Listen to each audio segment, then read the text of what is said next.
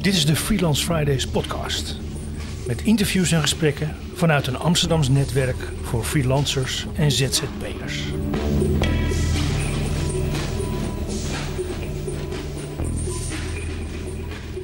Jawel, beste luistervrienden, welkom.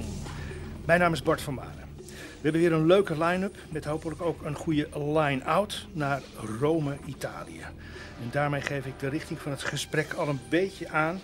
We gaan op vakantie, althans een soort van.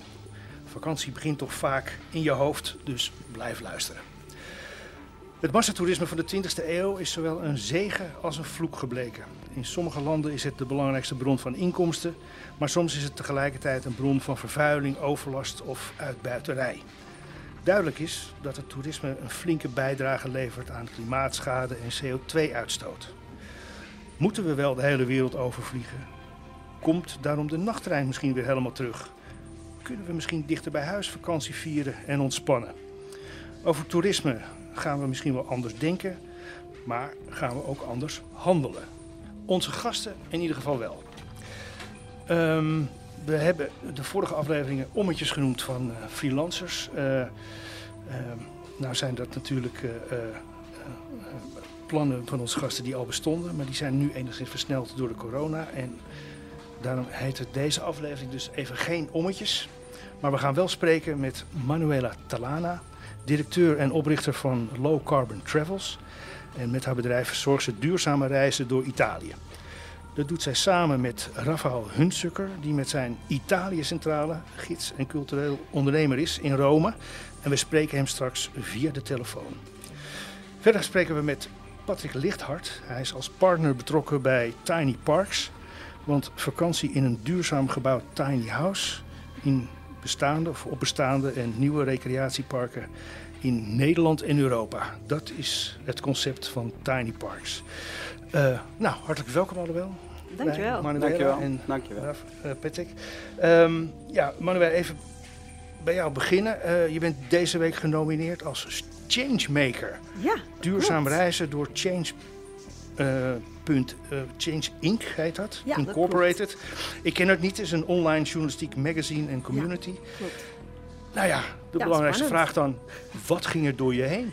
Ja, ik uh, was super trots. En zeker als je kijkt wat, uh, ja, wie de andere gasten, genomineerde gasten zijn en wie ook uh, voorheen is, heeft de award gewonnen. Ja, mega trots. wel verbaasd, want ik beschouw mijn onderneming nog steeds heel klein. En wist niet dat er al ja, toch best wel wat meer bekendheid was gecreëerd. Okay. Dus superleuk. Ja, heel dus spannend. Een, je, je, was nog niet lid van de community? Daar. Nee, ik volg het wel op, op uh, LinkedIn. En uh, ik was geabonneerd op de nieuwsbrief. Dus ik ontvang heel graag duurzame uh, berichten natuurlijk daarover. En op een dag werd ik gebeld door de hoofdredacteur. En die zei dat ik genomineerd was. Nou, dus fantastisch. Ja, Gefeliciteerd. Ja, en ja. wanneer hoor je de uitslag? Ja, vanmiddag. Oh, vanmiddag al? Oké, oké. Okay. Ja, ja. Nou, dan... Ja, mag nog gestemd worden. De telefoon moet nog wel even uitblijven. Oké, okay. uh, Patrick, uh, jij bent uh, met Jochem Verheul Tiny Parks begonnen. en Jochem is de, de bedenker van het concept ja, en, en dergelijke. jullie hebben ook nog twee andere aandeelhouders. Maar heb jij nu intussen meer de rol van de communicatiemanager op je genomen? Nee, dat is eigenlijk, jo Jochem is eigenlijk onze spokesman, zoals ik het altijd zeg. Um, maar um, ja, in dit geval gaan we proberen het iets minder commercieel, maar meer op de inhoud te doen. En uh, vandaaruit uh, dat ik aan tafel ben geschoven. Ja, oké. Okay. Uh, even in het algemeen hoor, we gaan er natuurlijk wel dieper op in. Maar hoe belangrijk is het duurzame aspect van jouw deelname aan Tiny Parks? Hoe, hoe kijk je daar tegenaan? Nou, wij, wij hebben wel gezien dat als je, uh, als je gaat kijken naar de traditionele bouw... en uh, traditionele bouw van gewoon überhaupt woningen of vakantiewoningen... Um, is daar nog sterk aan het verbeteren. En wat je wel vaak ziet is dat het ook erg kostbaar is om het duurzaam te gaan doen. Dus wij daar proberen daar de eerste stapjes in te zetten door circulair te bouwen in ieder geval. En alles wat we gebou gebouwd is en als we het straks moeten afschrijven, dat we het opnieuw kunnen hergebruiken. Uh, dat zijn de eerste stapjes. Maar daar zullen we misschien straks nog verder op ingaan. Maar... Ja, nee, maar ik bedoel meer voor jezelf. Hoe kijk je er zelf tegenaan? Hoe belangrijk vind je het zelf dat, dat er duurzaam gewerkt gaat worden en duurzaam wordt ondernomen? Ik denk dat we er niet anders kunnen om onze volgende generatie uh, een kans te geven binnen ook op deze manier te kunnen gaan recreëren. Want uiteindelijk uh, moeten we wel gaan nadenken om ons we onze wereld beter te maken. Oké. Uh, datzelfde vraag eigenlijk ja. voor jou, Manuel. Ja, Hoe belangrijk vind je dat duurzame aspect van, van, van jouw bedrijf? Ja, heel erg belangrijk. Um, en vooral vind ik belangrijk dat er ook meer bewust uh, daarover komt. Uh, want het is ook als je nu ehm, mensen gaat vragen: wat is voor jullie duurzaamheid tijdens een reis? Ja, dan is er vaak gewoon: ja, dat weten we eigenlijk niet zo goed. En wat bedoel je daarmee? En er valt nog heel veel in te winnen. En kijk, duurzaamheid is niet alleen CO2-compensatie. Duurzaamheid komt ook met andere aspecten van van de vakantie. Als je op reis bent in een land, is natuurlijk ook de lokale economie heel belangrijk. De impact op de eh, sociale, sociale impact eh, op, eh, op mensen die daar wonen, die daar ondernemen. Dat zijn allemaal aspecten die ja, in mijn opinie wel meegenomen moeten worden in, ja, in het ondernemen tijdens of het, ja, een reisonderneming. Ja, ja. Um, nu zijn low carbon travels ongetwijfeld wat vooraf gegaan. Ik heb mhm. natuurlijk ook even met je gesproken. Je bent geboren in Sardinië. Klopt. Uh, Prachtig groot, eiland. Groot eiland uh, voor de Italiaanse kust. onder Corsica, wat weer ja, Frans is. Klopt, klopt um, helemaal. En ik zag ook dat je informatica hebt gestudeerd en bij de Italiaanse ambassade hebt gewerkt. Ja. Want is, is dat de, manier waarop je in Nederland terecht bent gekomen? Uh, ja, ik heb een Nederlandse moeder en uh, die woont nog steeds in Sardinië, gelukkig met mijn vader. Uh, maar voor mij was er een grote roeping om mijn Nederlandse roots te leren kennen. Ik had van kinds af aan al het gevoel van, um, ik hoor wel op Sardinië, ik ben wel Italiaans, ik voel me nog steeds 100% Italiaans. Ik heb alleen maar nog steeds een Italiaanse paspoort. Maar ik merkte wel dat ik toch een beetje anders was dan uh, mijn klasgenootjes en dat, dan mijn vrienden. En toen ben ik in 96 hier op vakantie gekomen op bezoek bij uh, opa en oma. Die woonden toen allebei en uh, die wonen in Alkmaar.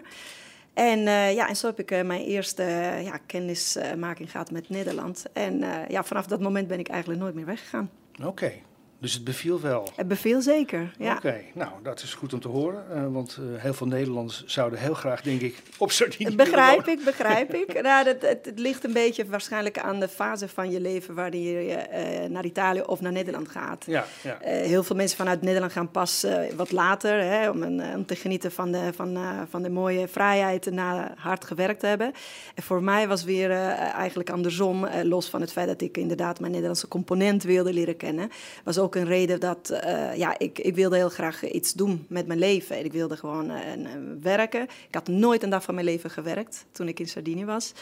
En uh, ja, vandaar dat ik eigenlijk meer kansen uiteindelijk kon, kon hm. vinden hier in Nederland. Oké.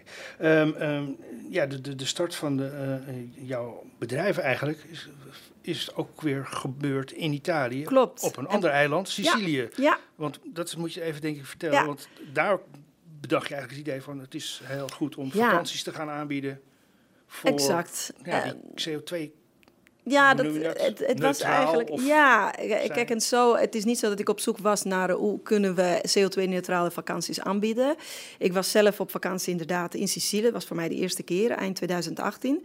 En uh, um, Sardinië en Sicilië lijken veel op elkaar, maar toch ook weer niet. Het toerisme in Sicilië is veel meer uh, ontwikkeld. En uh, daardoor uh, ja, kon ik wel heel veel mooie aspecten van, uh, van een ander eiland leren kennen. En ik was echt zeer geboeid ook door het culturele erfgoed daar. En ik logeerde toevallig bij een prachtige boutique hotel. Dat is eigenlijk een ja, antieke villa in handen van een adellijke familie. En die dat ook echt eeuwenlang uh, in hun bezit heeft. En die dat uh, echt met heel veel liefde uh, onderhoudt. En, en verder verbouwt ook met, met materialen die ook weer, zoals jij Patrick, Patrick zei, van, die daar afkomstig waren uit al die gebouwen die daar aanwezig waren. En daar zag ik een laadpaal voor een elektrische auto. Hm. En ja, ik was natuurlijk meteen geboeid, want ik had nog niet in die tijd een elektrische auto zien rijden op Sicilië. En toen werd me verteld dat zij opgenomen waren in een uh, bijzondere uh, circuit, in een nieuw project van het uh, Italiaanse autoverhuurbedrijf Sicily by Car. Dat is de grootste Italiaanse verhuurbedrijf van heel Italië, met de oorsprong hm. natuurlijk in Sicilië, de naam zegt het al, maar die inmiddels eigenlijk in heel Italië zit. En die wilden juist elektrische auto's voor de toerisme gebruiken, in plaats van een normale hè, endothermische auto's. En die, uh, ja, die kon eigenlijk eh, niet zo snel laadpalen, geen geïnstalleerd krijgen op openbare grond in Sicilië vanwege allerlei bureaucratische toestanden. En toen hebben ze besloten om dan bij particuliere eigenaren van inderdaad boutiques, boutique hotels, agriturismi, dus oude boerderijen die omgetoverd zijn tot accommodatie. De, de, bed and breakfast exact, en de, de chambre d'hôte, zoals het in Frankrijk ja, heet. Inderdaad, inderdaad.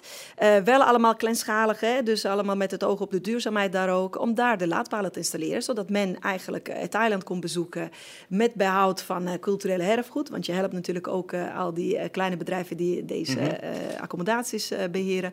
En dan CO2-neutraal dankzij de elektrische auto, die overigens opgeladen wordt, dus gratis bij de accommodaties, maar door middel van groene stroom. Want mm. de meeste accommodaties hebben of windmolens of zonnepanelen. Oké, dus de stroom zelf is ook nog duurzaam opgewekt? Ja, dat klopt. En ja. heeft dat ook te maken met de infrastructuur in, in Italië? Uh, dat klopt. Het is niet altijd uit uh, ja, vooruitstrevende denken, maar vaak een noodzaak, omdat ze ook uh, vaak middel in nowhere zitten en dan zelfvoorzienen moeten zijn om juist te zorgen dat ze wel continu stroom hebben. Ja, dus ja, dat precies. is een mooie even, even voor het beeld, hoeveel, hoeveel van die laadpalen staan er nu op Sicilië? Op dit moment, nou in Sicilië, als het gaat om privé-laadpalen, dus in, in deze accommodatie, hebben we op dit moment een stuk of 25. Dus okay. het is goed verspreid over het hele eiland.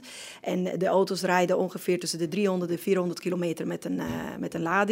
Dus dat is goed te doen. De hele omstrek van Sicilië is 370 hm. kilometer. Ja, dus dat, ja. dat is goed te doen. Ja. En op vakantie hoef je natuurlijk ook niet uh, een marathon uh, te, te, rijden. Nee, precies, precies, je, precies. je gaat te slow. Maar eh, en, en die laadpalen zelf, wat is natuurlijk best wel dure technologie. Hoe worden die dan gefinancierd? Dat klopt. Nou, dat werd uh, volledig gefinancierd door Sicily Bijkaar. Die oh, heeft uh, echt uh, uit de visie voor de toekomst, echt als een van de eerste en nog steeds een van de weinigen, als niet de enige die op het hele Italiaanse territorium zit, hebben ze dus die laadpalen zelf gefinancierd. Ze hebben overigens wel een hele mooie um, samenwerking met Enel, dat is het Italiaanse energiebedrijf, die ook de laadpalen heeft geleverd.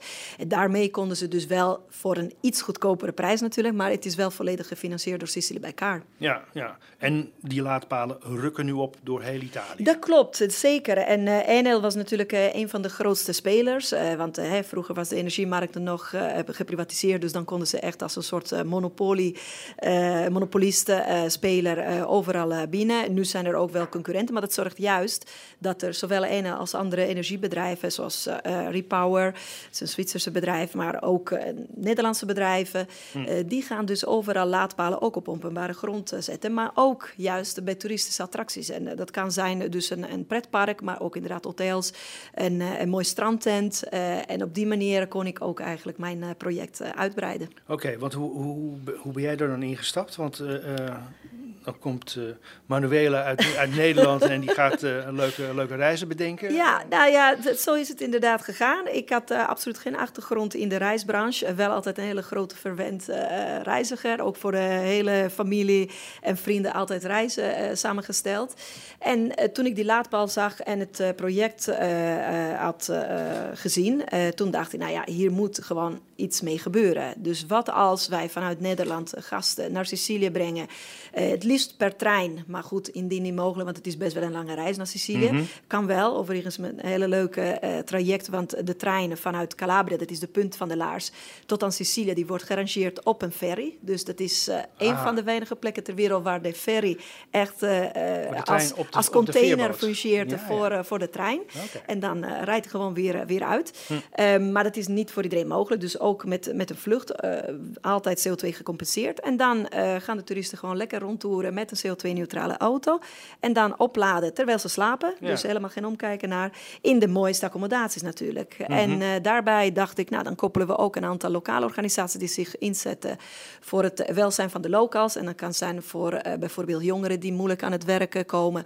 Of uh, mensen die komen bijvoorbeeld uit een integratietraject omdat zij vroeger in contact zijn geweest met justitie bijvoorbeeld. Maar ook oude oma's die dan een hele traditie aan recepten willen doorgeven. Daar kan je ah, allerlei leuke ja, ja, experiences mee organiseren. Dus van uh, rondleidingen tot uh, kookworkshop, wijnproeverij en et cetera. Oké, ja, ik, ik moet nu ik moet denken aan een YouTube-kanaal wat ik een tijdje oh. geleden uh, werd geïntroduceerd. En dat waren allemaal Italiaanse omaatjes die hun pasta-recept nou, nou, dat, dat, dat, onthulden is het concept in, een beetje. in een video. Omdat het ook dreigt te, ver, te, ja, te verdwijnen. Te dat verdwijnen. klopt, want het is ook vaak mond tot mond doorgegeven generatie een generatie. Maar ja, de, de, de jongere generatie uh, vliegen weg. Hè? Ik ben precies. ook natuurlijk vertrokken uit Sardinië, een beetje hetzelfde verhaal. Ja. En op deze manier kunnen we dat ook weer herstellen. En uh, ja, het, het, is gewoon een superleuke uh, experience, zoals we dat, dat noemen. Ja, ja. En op die manier heb ik gewoon zo'n ja, een aantal pakketten bedacht. En ben ik heel moedig naar Sicily Beccare, het hoofdkantoor in Palermo gegaan.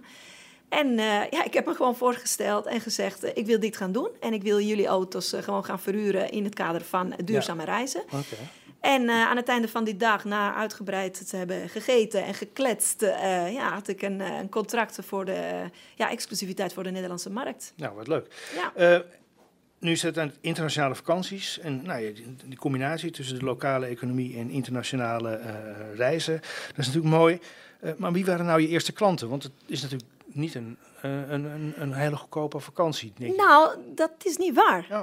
Nee, daar moet ik je eigenlijk corrigeren. Doe maar. Ehm, nou, het, het grappige is dat inderdaad, dat is ook een beetje de algemene eh, gedachte. En, en dat vind ik grappig dat je dat ook net noemt, want dat is ook een, een grote misverstand. Duurzaam en CO2-neutraal hoeft zeker niet duur te zijn. Sterker nog, eh, de auto's, de elektrische auto's zijn goedkoper op dit moment. Als je kijkt naar eh, andere auto's, benzineauto's, probeer je nu wat te huren in Italië, nou dan, dan schrik je kapot. en eh, de elektrische auto's zijn redelijk goedkoop en uh, worden gratis opgeladen. Dus uh, ongeacht hoeveel kilometers je rijdt, uh, dan kan je altijd gratis opladen. Dus dan kom je ook, hè, de benzinekosten komen er niet bij. Maar ook de accommodaties zijn eigenlijk dezelfde accommodatie wat je in andere pakketten kan vinden. Dus daar verandert niets. Het is niet zo dat ze dan extra gaan chargen omdat je daar aan het opladen bent. En uh, ja, de treinreis is wel een onderdeel wat uh, wel duurder kan zijn. Uh, we proberen overigens wel daar goedkopere oplossingen voor te vinden. En met dus van tevoren goed boeken. Het is net als eigenlijk met vliegen. Hoe eerder je van tevoren boekt, hoe ja, goedkoper zo'n treinticket kan zijn. En aan de hand van efficiënte verbindingen kunnen we daar ook wat aan de prijs doen. Maar in het algemeen zijn ze niet duurder. Dus eigenlijk mijn eerste klanten in 2019, um, er waren kennissen. In de zin van, ik heb uh, een andere onderneming gehad hiervoor. En dat was een taalschool, uh, Italiaanse taalschool. Dus er kwamen heel veel mensen die al met Italië in contact uh, waren geraakt. Die al ja, Italofielen waren, laten we het zo noemen. En, dus je had al een netwerk eigenlijk. Ik had een grote netwerk Ja. en die heb ik meteen benaderd. Ja. En eigenlijk de eerste vijf klanten meteen in mei 2019, toen ik het project naar buiten bracht, waren inderdaad de oude klanten van, van mijn school. Ja. En dat zijn gewoon gezinnen met kinderen of, of stellen. En niet uh, de superrijken, uh, gewoon ja, Jaantje Modaal, hoe noem je dat? Jan Modaal. Jan Modaal, inderdaad.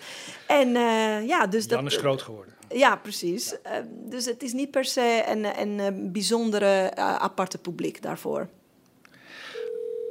Omdat we het over treinen gaan hebben, willen we daar graag jouw compagnon ja. bij gaan betrekken. Dat is Rafael Hunsukker. Uh, hij is uh, uh, ondernemer in Italië, in Rome, en heeft de Italië-centrale opgericht. En ja. hij is met jou bezig om. was al bezig met jou ja, om voor de, de trein. trein hij is mijn gedeelte... treinspecialist. Oh. Hallo Rafael. Hallo. Hoi. Ja, hoi. We willen je nu bij het gesprek betrekken. Heel leuk. Uh, welkom uh, bij de Freelance Fridays podcast. Uh, we hebben Ja, al je. uh, uitgebreid gesproken met Manuela en we zijn een beetje toe aan het gedeelte wat ook de treinreizen betreft. En Ja.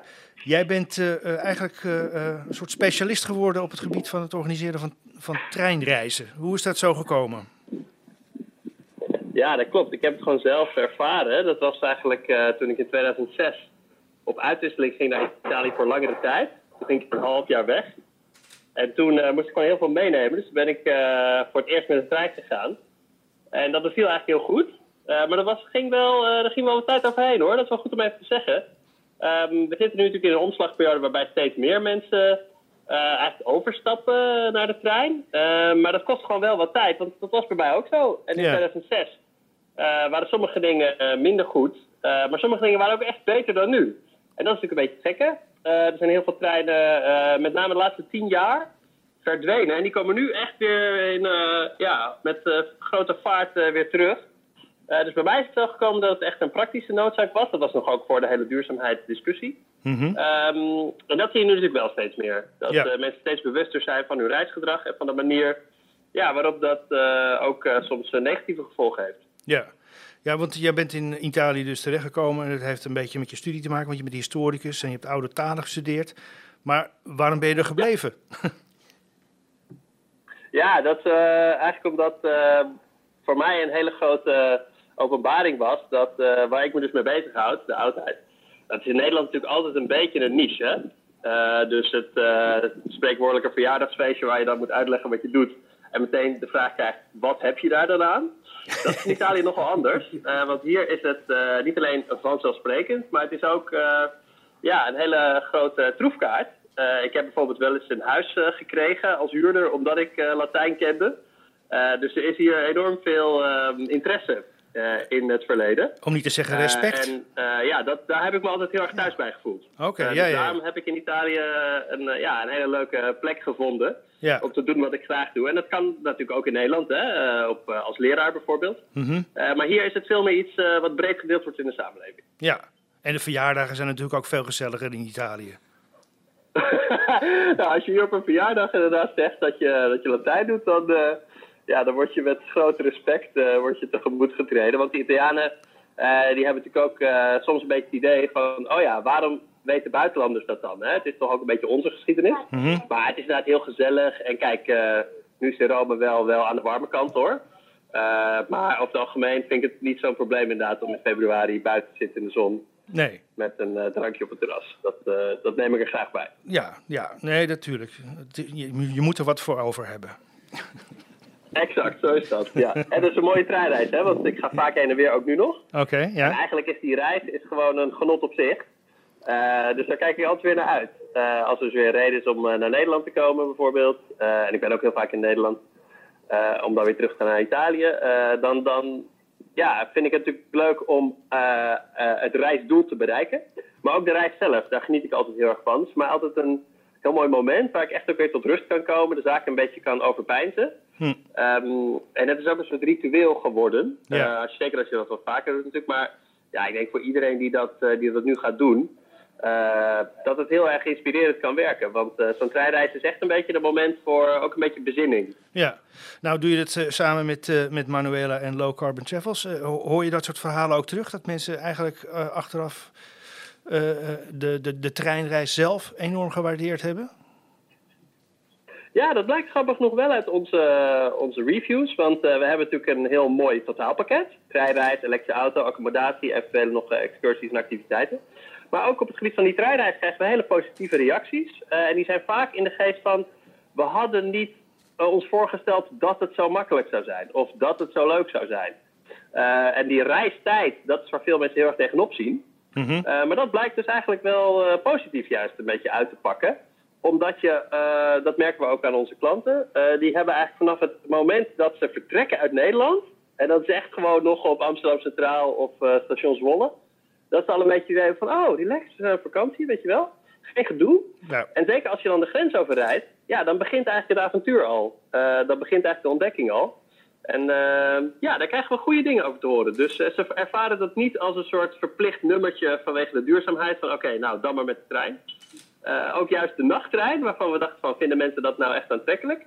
Daar krijgen we hele leuke reacties op. Hè? Dat is echt de romantiek van uh, ja, ja s'nachts met, uh, en je eigen coupé en uh, toch een soort rijdend hotelletje, zeg maar. Ja, ja. dat, wordt heel erg, dat gaat goed aan, merken we. Man Manuela heeft een aanvulling hierop. Ja, nee, inderdaad. Vooral gezinnen met kinderen. En de kinderen die vinden het fantastisch. En ja, dat zijn toch herinneringen die ze ook later, denk ik, heel graag zullen meenemen. Ja, ja. Um, nu gaan jullie uh, uh, nog uh, een, een, stap verder. Jullie gaan deze samenwerking naar een ander niveau trekken, Rafael. daar ben jij heel erg mee bezig. want jullie hebben ontdekt dat er eigenlijk geen platform is voor treinreizen binnen Europa. Um, Precies. wat wij nu doen is natuurlijk heel goed op maat gemaakt. Ja. Maar er is een veel grotere behoefte dan dat. Hè? Kijk, die reizen die wij organiseren die zijn prachtig voor mensen die tien dagen weggaan. Maar er zijn natuurlijk ook heel veel mensen die gewoon uh, voor een uh, stedentripje, voor een zakenreis, uh, soms ook voor familiebezoek, soms gaan ze maar één kant op, behoefte hebben aan die treinen. En omdat het dus heel goed aansloeg eigenlijk bij de huidige doelgroep, hebben we gewoon besloten om dat uit te breiden. En um, ja, daar is zoveel vraag naar dat het eigenlijk voor het oprapen ligt. En die markt wordt dus niet bediend. Waarom? Omdat bedrijven die eigenlijk op die markt actief zijn, dat zijn de, de spoorvervoerders, die zijn vaak nationaal georganiseerd. Hm. Dus uh, er is helemaal geen partij zoals een vliegtuigmaatschappij die er op dit moment heel veel belang bij heeft uh, om die mensen te vervoeren. want dat doen ze vaak maar voor een stukje zelf. Ja. Dus maar een derde van de route of zo. Terwijl die mensen die die route afleggen van Nederland naar Italië, ja, voor hen is dat gewoon één ding, weet je wel. Mm -hmm. uh, dat maakt het helemaal niet uit. Een stukje met de Deutsche Bahn, een stukje met de Zwitser, een stukje met de Italiaanse spoorwegen. Ja. Uiteindelijk zit je gewoon in die trein. Je moet er één of twee keer overstappen. Uh, maar dat is allemaal normaal. Dus wij zijn in dat gat gesprongen eigenlijk. En we merken dat dat heel erg aanslaat. we krijgen enorm veel reacties op onze berichten daarover. op LinkedIn heb ik wel eens iets gedeeld. nou, dan zit je zo op 30.000 weergaven. Dat heeft me echt verbaasd. En daarom hebben we het idee dat we heel erg op de goede weg zijn daarmee omdat die vraag heel erg is, maar ja. dus nog niet aan die vraag wordt uh, tegemoet gekomen door de bestaande partijen. Nee. Uh, nou, nou is het wel een, een, een bijzonder soort platform moet dat te gaan worden. We mogen er nog niet te veel over zeggen. De, de, de, de, grote lancering komt er nog aan. Um, want ik, ik, sprak je eerder en je zei van ja, het, het, bekende platformmodel zoals dat bij Airbnb of bij, bij webwinkels als Amazon uh, werkt, hè, die overzicht bieden en dan uh, ook de goedkoopste prijs en dan, uh, daar krijgen ze dan een commissie voor. Dat ja. is zeg maar het bekende internetmodel, zeg maar. Dat werkt niet voor de trein dus. Nee, dat klopt. Dat komt eigenlijk omdat de data die je nodig hebt, die is echt niet vrij beschikbaar. Dat houden eigenlijk die treinmaatschappijen een beetje, die houden een beetje de kaart tegen de borst. Ja. En dat komt ook omdat zij er dus niet zoveel belang bij denken te hebben. Ik, ik denk dat ze dat fout zien hoor, maar dat is even een andere discussie. Je kunt dus niet een soort uh, meta-zoekmachine maken waarbij je die drie uh, onderdelen van zo'n reis geautomatiseerd uh, beschikbaar maakt. Hè? Dus uh, er zijn wel heel veel pogingen ondernomen daartoe. Wij zijn absoluut ook niet de eerste en de enige die dit doen. Uh, maar die pogingen zijn gewoon nog niet gelukt. Nee, nee. Dus ga maar eens proberen om dat te boeken, ook op van die bookingsite. Ja, je wordt heel vaak wordt je snel het bos ingestuurd.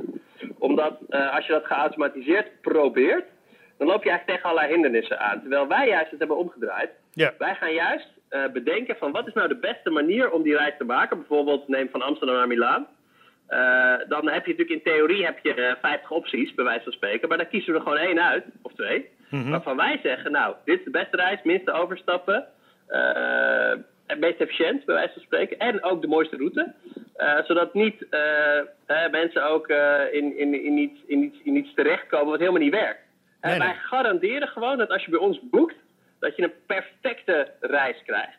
En ook dat wanneer er iets aan de hand is, hè, daar zijn mensen ook altijd beetje huiverig voor. Ja. Uh, dat we dan uh, weten hoe we je kunnen helpen. Want wij hebben die reis zo uitgezocht dat we weten, oh wacht, als er daar iets misgaat, dan is er nog een backup optie bijvoorbeeld.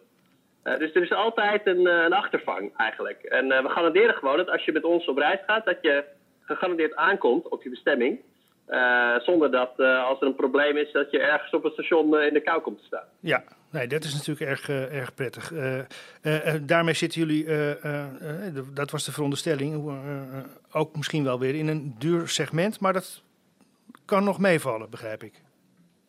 Ja, kijk, dat is de grap. Hè? mensen hebben de perceptie dat het heel erg duur is. Daar hebben we gewoon keihard onderzoek naar gedaan. We hebben gewoon Italië-liefhebbers, dat was even onze casus Italië gevraagd hoeveel denk je dat het kost om met de trein naar Italië te reizen?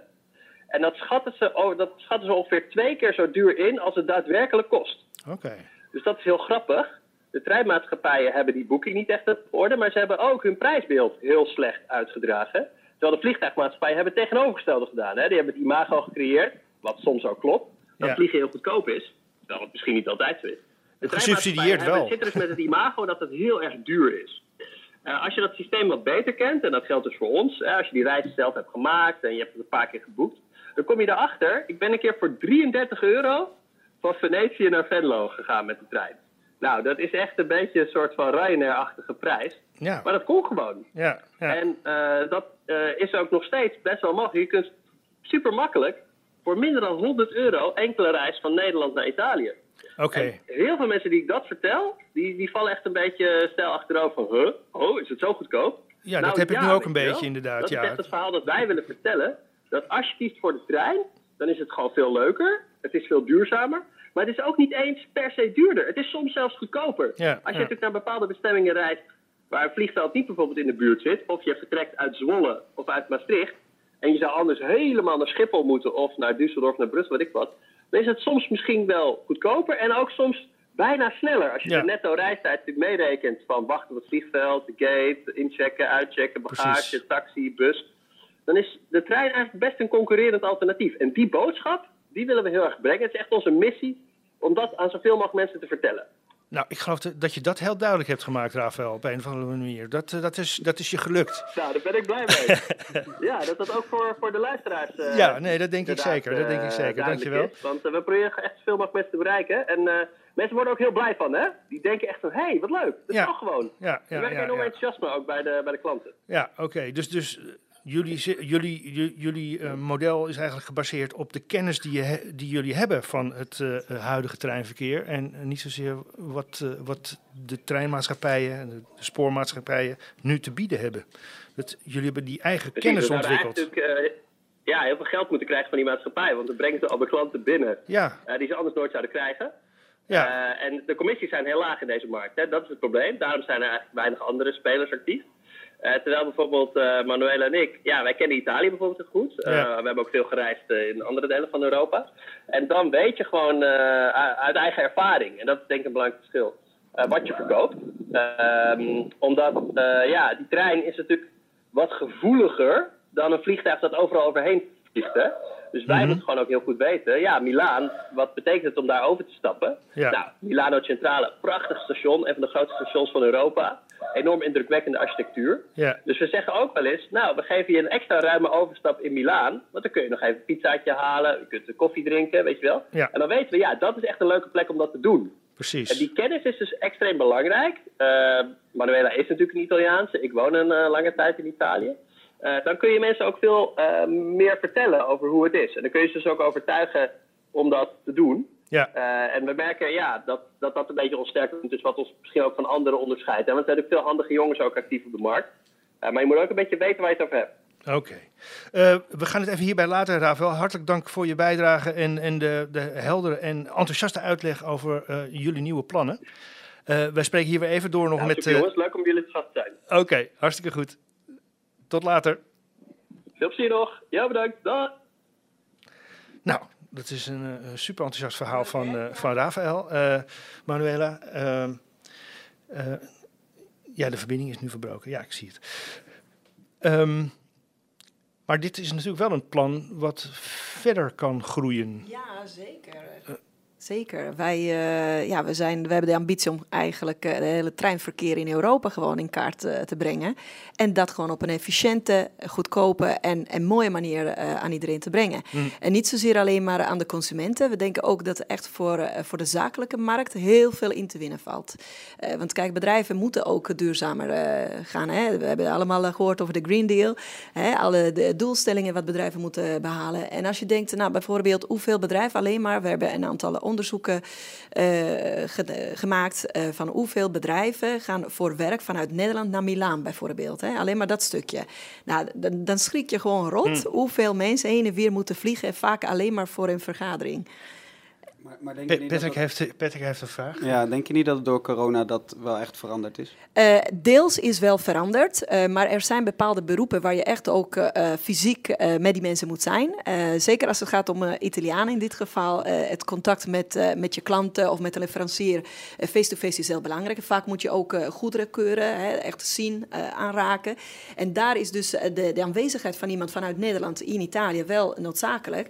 Maar die mensen die kunnen gewoon heel makkelijk tijdens een werkdag gewoon om half negen in de ochtend de trein pakken vanuit Amsterdam. En om zeven uur zijn ze in Milaan. Uitgerust hebben ze gewoon gewerkt. Hè. Dat is gewoon eh, wifi in de trein. Dus het is gewoon een normale werkdag. Wat we nu ook zien, dat er inderdaad ook thuis gewerkt kan worden. Nou, dat kan net zo goed in de Ja. trein. En dan s'avonds kom je gewoon eh, eh, in je hotel. En we regelen eventueel ook inderdaad in het nieuwe project ook allerlei extra onderdelen. Zoals een zakelijk hotel, een elektrische auto. Ook voor degene die dan voor de zaken daar moet gaan. Dus het gaat niet alleen maar om, eh, om vakantiegangers. Ja. En dan uiteindelijk, eh, twee dagen later, stap je weer in de trein en dan kom je weer terug naar Nederland. Dus wij Ja. willen eigenlijk ook de zakelijke markt daar meer bewust eh, van En hebben maken. jullie daar al reacties op gekregen? Ja, zeker. zeker. ja. Er zijn veel bedrijven die zeker interesse daarin hebben. Voornamelijk ook de personal assistants van, uh, van een aantal CEO's en, uh, en uh, mensen Zijn we die, die gozer tenminste een dag kwijt? Nou ja, kijk, het zelf uitzoeken is natuurlijk bijna onmogelijk. Ja. En dat weten we, want ja. we, we, we, kennen de markt. Dus we weten hoe moeilijk dat is en hoe verwarrend kan zijn. Maar ja. daarom, wat ook Rafael zei, daarom is het heel belangrijk dat wij tussen al die mogelijke opties, wij kiezen er één of twee. En dan heeft de klant gewoon al een kant-en-klare pakket. En daarbij zeggen we ook, nou, heb je een hotel nodig? Heb je een auto nodig? straks ook misschien een, een Uber Hè, allerlei mm-hmm. extra, extra diensten. Ja, ja. Of, een, uh, of een, zo'n deelscooter, elektrische scooter uiteraard. Ja. Uh, dat kunnen we allemaal bieden met één knop, bij wijze van. Dus dat, uh, dat moet ook voor bedrijven aantrekkelijker worden. Ja, nee, maar dat doet me ook denken aan de, de opkomst van het vliegen. Daar zag je op een gegeven moment ook dat de treinmaatschappijen opeens weer veel luxere treinreizigingen aanbieden. Klopt. Juist om die zakelijke markt binnen te halen. De, de Pullman zeker, zeker. waren dat. En dat waren dan echt met restaurants. En, ja, en met stewardessen die eigenlijk leken op de stewardessen wat in het vliegtuig zag. Precies, echt ja, super, super deluxe uh, treinreizen. Ja. ja. Ja, En dus eigenlijk gaat dat weer terug. Ja, alleen, eh, kijk, de zakelijke reiziger, die wil natuurlijk wel wat meer luxe. Maar in principe, de huidige treinen zijn al luxe genoeg. Uh, dan kan je nog kiezen of je dan tweede klas of eerste klas gaat reizen. Er zijn er wel een aantal verschillen. Maar zelfs al in de tweede klasse zijn er echt uh, uitstekende voorzieningen. Ja. zowel restaurants, bars, maar ook inderdaad wifi, stopcontacten onder je stoel eigenlijk alles wat je nodig hebt om ook door te kunnen werken in, ja, tijdens je reis. Ja, ja. ja, ja. Nee, het, is, het, is, het klinkt heel erg goed. Heel veel succes. Ja, uh, we gaan even door nu naar, naar Patrick ja. Lichthart en uh, de Tiny Parks. Maar mocht je een vraag hebben voor Patrick, uh, je bent uitgenodigd. Um, ja, want Patrick Lichthart, Tiny Parks. ja. Jullie zijn al van start, een locatie in Drenthe. Ja. Ooit gedacht in de toerismesector terecht te komen? Nee, nooit. Ja, ik, hou ook veel van uh, verre reizen of in Nederland weg of uh, een weekendje weg. Ik heb een tijdje een camper gehad met uh, mijn toenmalige vriendin. Dat was superleuk. Um, maar om daar zelf iets in te doen, ik dacht dat super hard werken. Dat is het ook, kan ik ook wel beamen. Ik heb me er sterk in vergist. Um, maar het is wel enorm leuk om mensen te mogen ontvangen, daar iets voor te doen en uh, ja, die mensen komen met het idee om uit te rusten. Of iets te doen of iets leuks te gaan doen. Dus uh, ja, ik, ik, kom uit de evenementenwereld waar je eigenlijk ook mensen voor één dag of meerdere dagen een festival organiseert.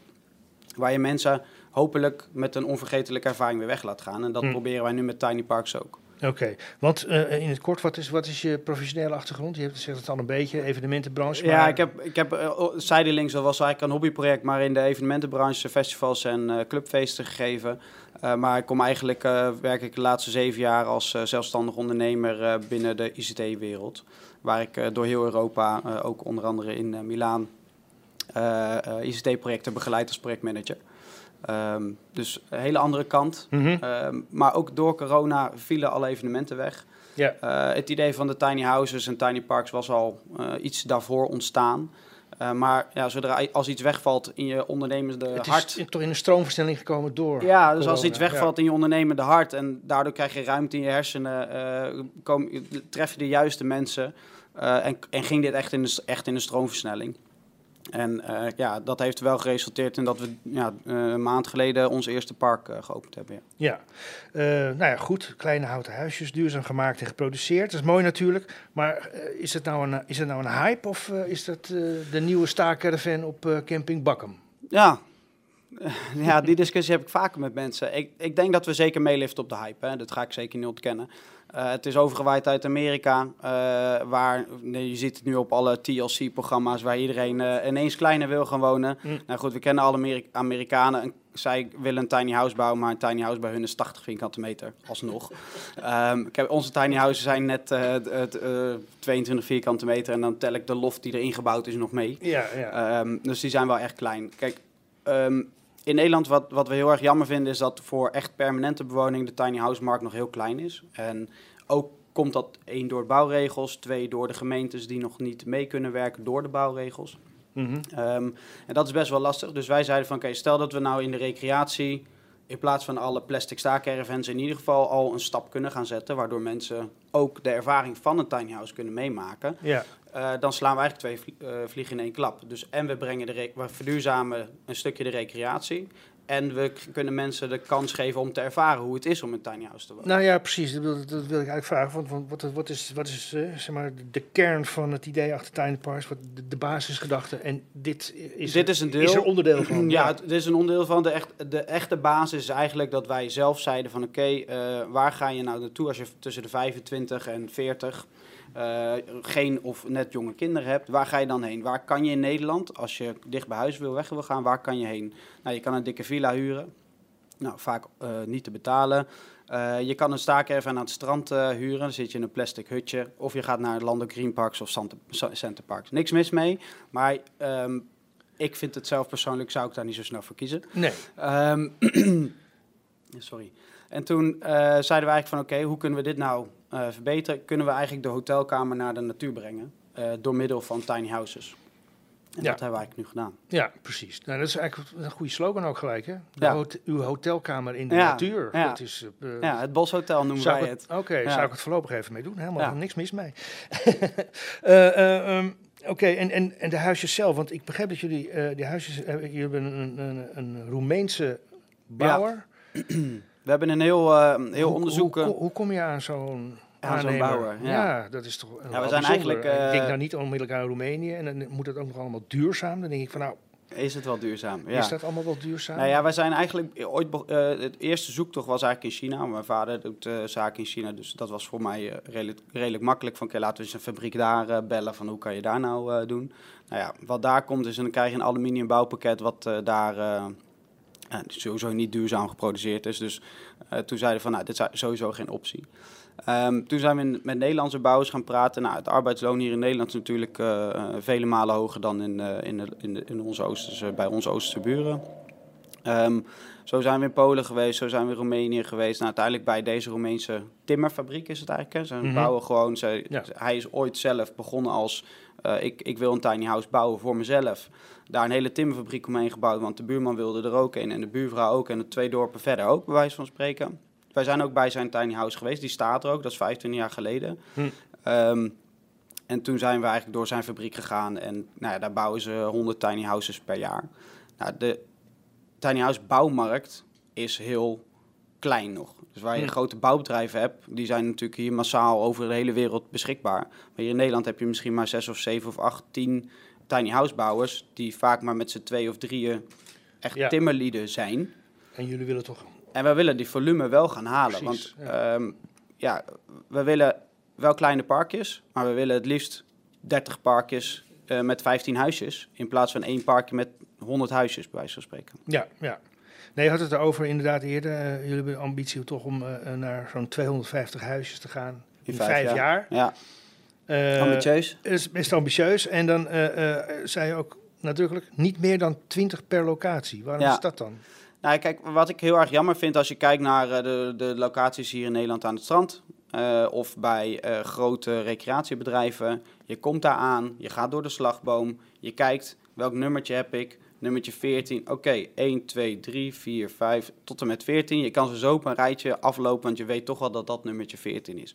En eh er staan er niet 14, maar daar staan er 14 keer 14 rijen. Eh, en dat is wat ons die, dat massale, dat massotoerisme, dat is wat ons niet aanspreekt. Wij proberen onze huisjes zo op te zetten dat je bij spreken de buren niet eens kan horen lachen. Ehm, je wil die natuur ervaren. Eh, dat kan op alle verschillende manieren. Het kan, kan zelfs zijn dat het hier in het, in het Amsterdamse bos vijf huisjes verstopt zijn eh, waar je kan recreëren. Hm. Hij eh, heeft iets heel anders. Ja, ja. Maar wij willen dat kleinschalige echt houden, waardoor we hebben gezegd maximaal 20 per locatie. Oké. Ehm, nu hebben jullie dus eh, die Roemeense bouwer gevonden. Eh, jullie hebben ook aandeelhouders gevonden die eh, meedoen in Ja. het bedrijf. Ja, financiers, ja. Financiers, want dat is natuurlijk ook nodig. Want dat, ja, dat, dat, Het is een kostbaar, eh, Het is kostbaar best, project. best wel een kostbaar eh, gedoe natuurlijk. bouwen in Roemenië, hier bouwen. Eh, maar ook voor, voor jullie geldt natuurlijk dat... eh, eh, ja, in principe kun je dat eh, eh, idee eh, eh, Europees uitvouwen. Zeg Ja. Eh, is, dat- is dat ook de bedoeling? Dat is wel onze ambitie. We, hebben, we zijn eh, met, met, ja, binnen de familie, zeg maar eventjes... eh, de schoonmoeder van Jochem heeft een locatie in Ardennen, laat ik het zo zeggen. Ehm, en die heeft daar een bed and breakfast en ook een hele mooie ach- achtertuin. En wij zeiden, hoe gaaf zou het nou zijn om daar als eerste buitenlandse vestiging... twee tiny houses, prachtig, op de Franse Ardennen, in de Franse Ardennen te hebben staan. Nou, dus dat zijn we nu in gesprek met uh, de burgemeester die wel eens komt eten bij het restaurantje. Maar het gaat allemaal niet zo makkelijk als nee. uh, vooraf uh, gedacht. Nee, nee, nee. Oké, precies. Wat, wat, wat zijn de problemen die jullie tegenkomen? laten, we, laten we beginnen met, met binnen Nederland. Wat, waar, waar loopt, tegen welke regelgeving of zo lopen jullie aan? Ja, dat is heel divers. Ehm, kijk, de, waar we vaak terechtkomen zijn stukjes grond bij recreatieondernemers waar ze wel het eigendom hebben maar waar ze zelf nog geen vergunning voor hebben. En dan begin, ga je nu natuurlijk gewoon uh, die, die bestemmingsplanprocedure door. Nou, dat is, kan, dat is allemaal recht toe, recht aan.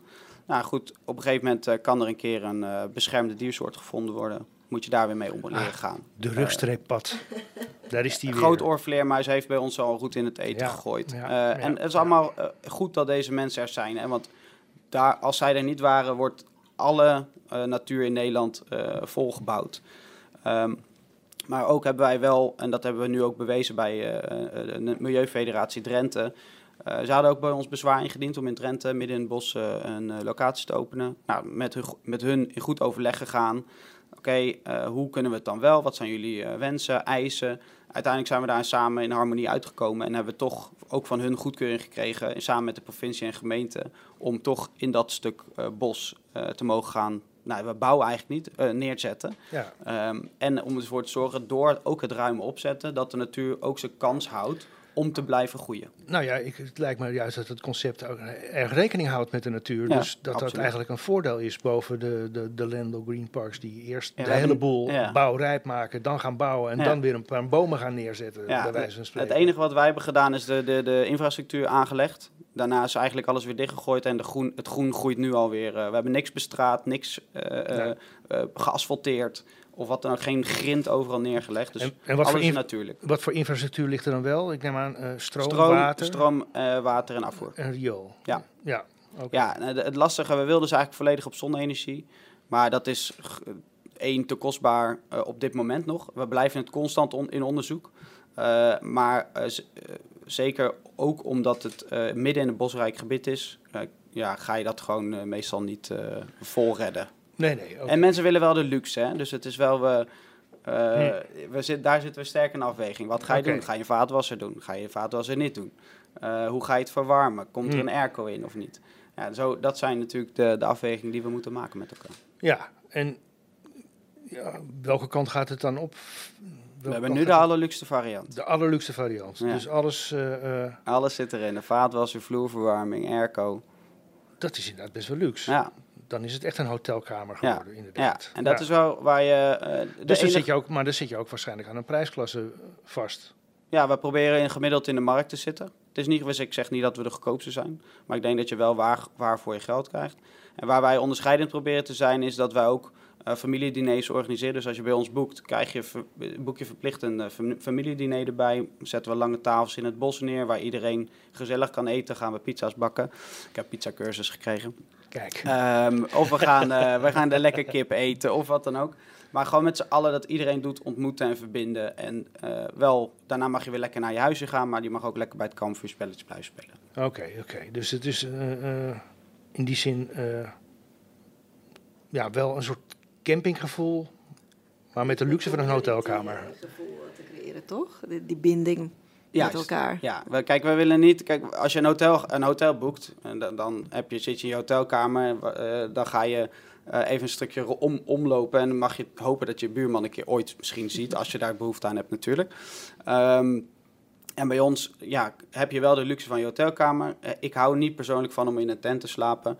Um, en ja, nu heb ik gewoon alles, alle luxe van thuis. Ik kan bepalen of ik zelf thuis ga koken. Ik kan uit eten gaan. Ik kan in mijn huisje gaan zitten. Ik kan uh, bij de kampvuur gaan zitten. En uh, wij verplichten dan de mensen wel om die ene avond wel eventjes gezellig het doen, ontmoeten hm. uh, en genieten met elkaar te ervaren. En dat is juist ook leuk voor de kinderen die ook bij ons komen.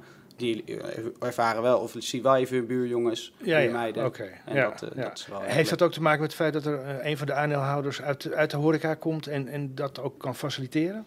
Uh, nou, dat heeft wel enorm. Dat is eigenlijk, uh, het is eigenlijk andersom gegaan. Wij, hebben eigenlijk, uh, wij zeiden van oké, okay, wij willen heel graag dat eetaspect belangrijk maken bij ons.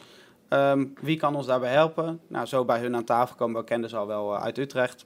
Hm. En uh, nee, zij waren mega enthousiast en wilden heel graag gelijk meedoen en ondersteunen ons daarbij. Want ik ben geen horecaman.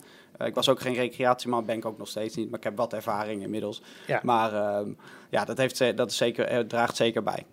Hoe klinkt dat jou in de oren, Manuela? Wat, Leuk, heel interessant. Uh, maar vooral dat aspect inderdaad dat je dan kleinschalig... en, en daarom kan je ook dit soort etentjes en, en, en momenten bij elkaar organiseren. Want naarmate het groter wordt, ja, dan, dan is het onoverzichtelijk. En dan krijg je ook niet uh, 200 man bij elkaar natuurlijk. Nee. En dat is een beetje het concept wat wij ook hebben bij de accommodaties. Ik heb ook uh, geen enkel hotel met 200 kamers. Nee, precies. de, de meeste hebben zelfs af en toe vier kamers. Dus dan, dan kom je elkaar ook sowieso wel tegen bij het ontbijt. Maar inderdaad ook af en toe bij de lunch. En dat, ja, het eten is toch een verbindende factor uh, bij, heel veel mensen. Maar dus voor de vakantie en het vakantiegevoel eigenlijk een een extra. Een extraatje. Absoluut, dat, is eigenlijk, dat maakt het interessanter en, en, leuker. Absoluut. En ik denk ook dat community aspect, dat uiteindelijk zeker als je in de groei nog zit, dat je dan nog meer mensen daarmee wil enthousiasmeren. Ja, je moet die verbinding creëren. Want uh, het blijft een gunfactor hè, met heel veel dingen uh, in mm. Nederland, maar eigenlijk zo gaat het in de hele wereld. En als mensen enthousiast raken en dan een bijzondere uh, ervaring kunnen koppelen aan met andere mensen, ja, dan voelen ze gewoon verwant met elkaar en dan zullen ze ook snel dat verder overdragen. Ja. Dus zeker slim slim, bedacht. Dankjewel. Ja. En, en, en, wat toch ook wel bijzonder is, is dat jullie echt die, die, die jonge doelgroep uh, voor ogen hebben. Hoe, hoe, hoe zijn jullie daar uh, bij gekomen eigenlijk? Uh, nou, wij hebben, dat is natuurlijk een beetje geboren. Ik, ik woon zelf in de stad. Ik kom van, wel vanuit het platteland. Um, maar um, als ik kijk waar ik, als ik iets ga doen, een stedentrip is heel snel gemaakt. Maar dan pak je de auto of de trein of het vliegtuig ergens naartoe. Um, maar ik, heb, ik merk ook aan mezelf dat ik wel de, soms de behoefte heb uh, van oké, wat vrijdagmiddag. Vrijdagmiddagborrel begint om vijf uur. Blijf ik hier? Of pak ik mijn fiets, mijn auto, mijn trein en ga ik lekker naar mijn hotelkamer in de natuur? En genieten van de natuur en de rust en dat soort dingen waar mensen juist naar onze stad toetrekken met de vrijgezellenfeesten. Noem het het klinkt, klinkt nu misschien als ik 50 ben, uh, maar um, zo bedoel ik het absoluut niet. Maar Ehm, in het drukke werkende leven heb je ook soms de behoefte om wel even niet te snel weg op de achtergrond te horen. Ja. Um, en wel even te gaan genieten en iets anders te gaan doen. Ga je wel dassen spotten uh, op zaterdagochtend om vijf uur s ochtends. Uh, ik noem wat. Ja, um, ja dat, dat, dat is wel waarom wij proberen te focussen op die doelgroep. Mm -hmm. Oké, okay, ja. Nou ja, goed, ik, uh, corona, ik woon in de Nieuwmarktbuurt, daar was uh, corona een soort van zegen, want dat Engelse hengstenbal... Dat, dat, rustig, geloof ik graag. Daar kan ik heel goed zonder. Ja, dat geloof ik graag, ja. ja, ja. Oké, okay. um, even denken. Um, Jullie hebben dus nu die, die, die, die plek in Drenthe. Uh, ja. uh, wanneer verwachten jullie de eerste uitbreidingen? Uh, Frans Ardennen zit er aan te komen? Ja, daar, daar, daar, daar, verwacht ik nog wel dat we daar twaalf maanden voor nodig hebben. Hm. Maar um, we zijn heel druk in, in Gieten, dat ligt bij Assen. we hopen daar op korte termijn de, de overeenkomsten samen af te ronden. En dat daar begin volgend jaar de volgende locatie geopend gaat worden. Um, en daarnaast zijn we nog bij een wijnboer in Twente. Daar zitten we nu. Daar gaan we, kan je midden, gaan we vijf, wijn, vijf huisjes neerzetten waar je midden op de wijn, uh, tussen de wijnstronken kan sta, gaan slapen en de wijnervaring en dat soort dingen kan doen. Okay. Uh, en daar zitten we nu midden in het vergunningstraject. Als dat soepel verloopt, dan verwachten we daar hopelijk dit jaar nog uh, open te kunnen. Nou, hartstikke goed. Manuela, de, de, het nieuwe platform, het nieuwe treinplatform. Mm er wordt nog hard aan gewerkt. Maar ja, zeker. Wanneer kunnen we dat verwachten? Ja, we hadden gedacht 1 juli. Maar goed, dat is inmiddels al voorbij. Ja. Uh, maar goed, het kan, uh, ja, het kan elke dag komen. Maar we zijn er druk bezig, want we willen ook... Uh, op het moment dat we naar buiten brengen... willen we ook dat alles goed werkt. Ja. En dus los van, van dat het esthetisch heel mooi moet zijn... en aantrekkelijk natuurlijk, want er gaat er nog steeds over reizen. Ja. Dus dat moet aanlokkelijker zijn. Maar er moet vooral de platform, het platform met, met de prijzen, met de trajecten... moet gewoon echt heel goed werken. Ja. Uh, en daar zijn we nog even mee bezig. Dus het is een uh, fine-tune moment. Ja, ja. Um, ja, we hopen nog steeds augustus dan te halen. Want uh, ja, het seizoen is nog steeds gaande. Ja, dus we hopen precies. daar nog... maar het betekent ook dat jullie dat netwerk op de, op de grond, zeg maar, in Italië nog... Nou, kijk, dat hebben we eigenlijk al. Ah, okay. En dus alles in de, op papier, zeg maar. Alle contracten met de leveranciers hè, van hotels. kijk, de auto's hebben we al. Omdat ik natuurlijk met Low Carbon Travels dat al voor elkaar heb. Ja. Dus het is eigenlijk echt puur een kwestie van al die data bij elkaar koppelen in een platform die dan uiteindelijk en um, ja, producten op maat naar de klant toe kan brengen. En dat doen we nu al met low carbon travels natuurlijk, maar dat doen we dus echt op maat, één op één met de klant. En nu moet er gewoon geautomatiseerd worden. Vanuit dus de op maat beredenering gaan we gewoon dus naar, naar een platform die dat automatisch uh, ja, serveert, zeg maar. Okay. Dus dat duurt nog eventjes, maar ik verwacht echt dat het uh, voor het einde van de zomer gaan we, okay. gaan we online. Goed zo, heel mooi. En, en, en dan is het nog voor Italië met name? Uh, voornamelijk nu wel Italië, maar we hebben ook uh, ja, eigenlijk Spanje en uh, ja, kijk, België en Duitsland en Zwitserland pakken we gelijk mee. Want het zijn de routes die wij ook gebruiken al voor Italië. Dus dan pakken we een aantal grote steden ook op dat traject. Ja, ja Portugal en Spanje is, ja, is de eerste volgende die, die komt. Ja. Nou, spannend, spannend. Heel spannend, maar heel leuk. Oké, hartelijk dank allebei. Patrick Lichthart van Tiny Parks en Manuela Talana van low, zeg nou, low carbon travels en ja, het uh, geheim. De, de naam, ja, het is een hele leuke naam, maar dat gaan we nog niet bekendmaken. Nee, ik ben benieuwd, ik ben benieuwd. Ja. Dan gaan we toch, uh, we, we wachten het, teaser, we wachten het af. Oké, okay, hartelijk dank dus. Uh, en ook Rafael Hunsuker, ook van de Italië Centrale. de links naar de respectieve websites zullen natuurlijk te zien zijn in de show notes en op de website. Het gaat jullie goed. Uh, dank wederom ook aan uh, Mokka, expertisecentrum uh, cultuuronderwijs voor de gastvrijheid wederom hier. Dit was aflevering 7 van de Freelance Fridays podcast. te vinden via de toonaangevende podcastplatforms zoals Spotify en Apple Podcast en wat dies meer zijn. Opnametechniek Amir Bar, apparatuur Amir Bar en klankplankproducties. Joris Paas, bedankt voor de foto's en het verzorgen van de cadeautjes, want jullie krijgen iets leuks. Ehm Freelance Fridays, podcasts en webinars worden mede mogelijk gemaakt door onze sponsors en Topic, Freelance Firm en Managed WP Hosting. Dus bedankt ook Theo Hielkema, Roberto de Kok en Ramon Vinke. Meer over ons, over Freelance Fridays post, webinars en de podcast is te vinden op freelancefridays.nl. Tot de volgende keer.